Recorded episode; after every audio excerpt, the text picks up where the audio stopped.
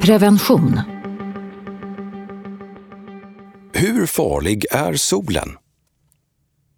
Nya behandlingar som räddar personer med hudcancer i all ära. Men det bästa är förstås om vi inte blir sjuka alls. Vad vet egentligen forskarna om hur solen påverkar oss? Solen kan ge oss cancer. Solen fyller på D-vitamin och stärker hälsan. Fungerar solskyddskräm?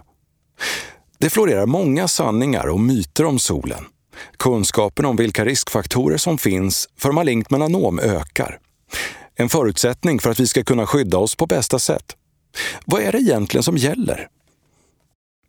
I slutet av 1980-talet tog Håkan Olsson, professor i onkologi vid Lunds universitet, initiativ till en studie med 30 000 kvinnor mellan 25 och 65 år i syfte att undersöka riskfaktorer för malignt melanom. Vi ville också ta reda på vad solen betyder för människor i ett större perspektiv. Vad som på sikt händer med dem som solar mycket respektive lite, säger Håkan Olsson. Slutsatserna av den forskning som hittills publicerats är att en måttlig och kontinuerlig solexponering stärker hälsan.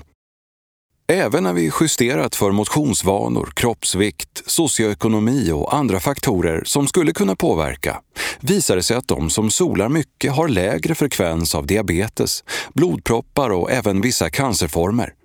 Till och med melanompatienter har en bättre överlevnadsprognos om de solar måttligt. En annan slutsats är att solen ökar risken för malignt melanom och att det finns faktorer som ökar risken. Människor med känslig hud, som lätt blir röd eller har många leverfläckar, löper en ökad risk för malignt melanom. Det gör även de med malignt melanom i släkten och de som har solat mycket solarium i unga år. Även personer som ofta rest på solsemester skiljer ut sig och får oftare malignt melanom. Samtidigt får de tunnare och lindrigare former än de som får sjukdomen trots att de inte har solat, säger Håkan Olsson. Teorin är att D-vitamin, som bildas när solens strålar träffar huden, har en skyddande effekt mot cancer. Men det återstår många frågetecken. Man har också sett att dödligheten i cancer i bröst, livmoder och tjocktarm minskar av D-vitamin. Men det behövs mer forskning om det. Vi vet inte ens vad som är en optimal nivå D-vitamin i blodet och vi vet inte heller om det bara är D-vitaminet som solen bidrar med eller om den också har andra effekter, säger Håkan Olsson. Den allmänna uppfattningen att man ska vara ute länge i solen om man smörjer in sig är djupt rotad, trots att krämrekommendationen successivt har försvunnit från svenska riktlinjer.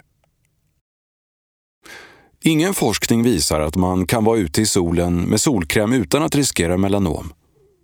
Den allmänna tolkningen står krämindustrin för och den har spridits effektivt, säger Håkan Olsson. Han menar att användandet av solkräm är en riskfaktor för melanom eftersom det ger en falsk försäkran om skydd. Det finns också studier som visar att malignt melanom är vanligare bland de som använder solskyddskräm. En förklaring kan vara att de tillbringar mer tid i solen eftersom de inte får någon varningssignal genom att huden blir illröd. Man kan också tänka sig att de som använder solskydd gör det för att de har en känsligare hud.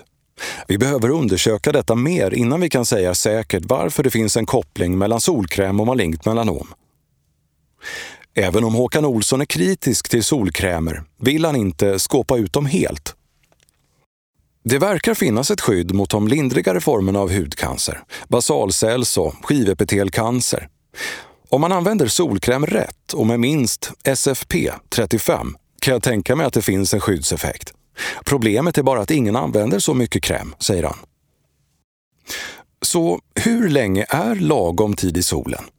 Slutsatsen av forskningen är att det är bättre att vara lite i solen ofta än mycket vid enstaka tillfällen. Det är bättre att skydda sig med kläder och skugga än med solskyddskräm. Det gäller alla. Men personer med riskfaktorer bör vara extra försiktiga. Och för att få de goda hälsoeffekterna måste du inte ligga på en strand. Det fungerar lika bra att du tar en promenad eller påtar i trädgården klädd i lätta sommarkläder.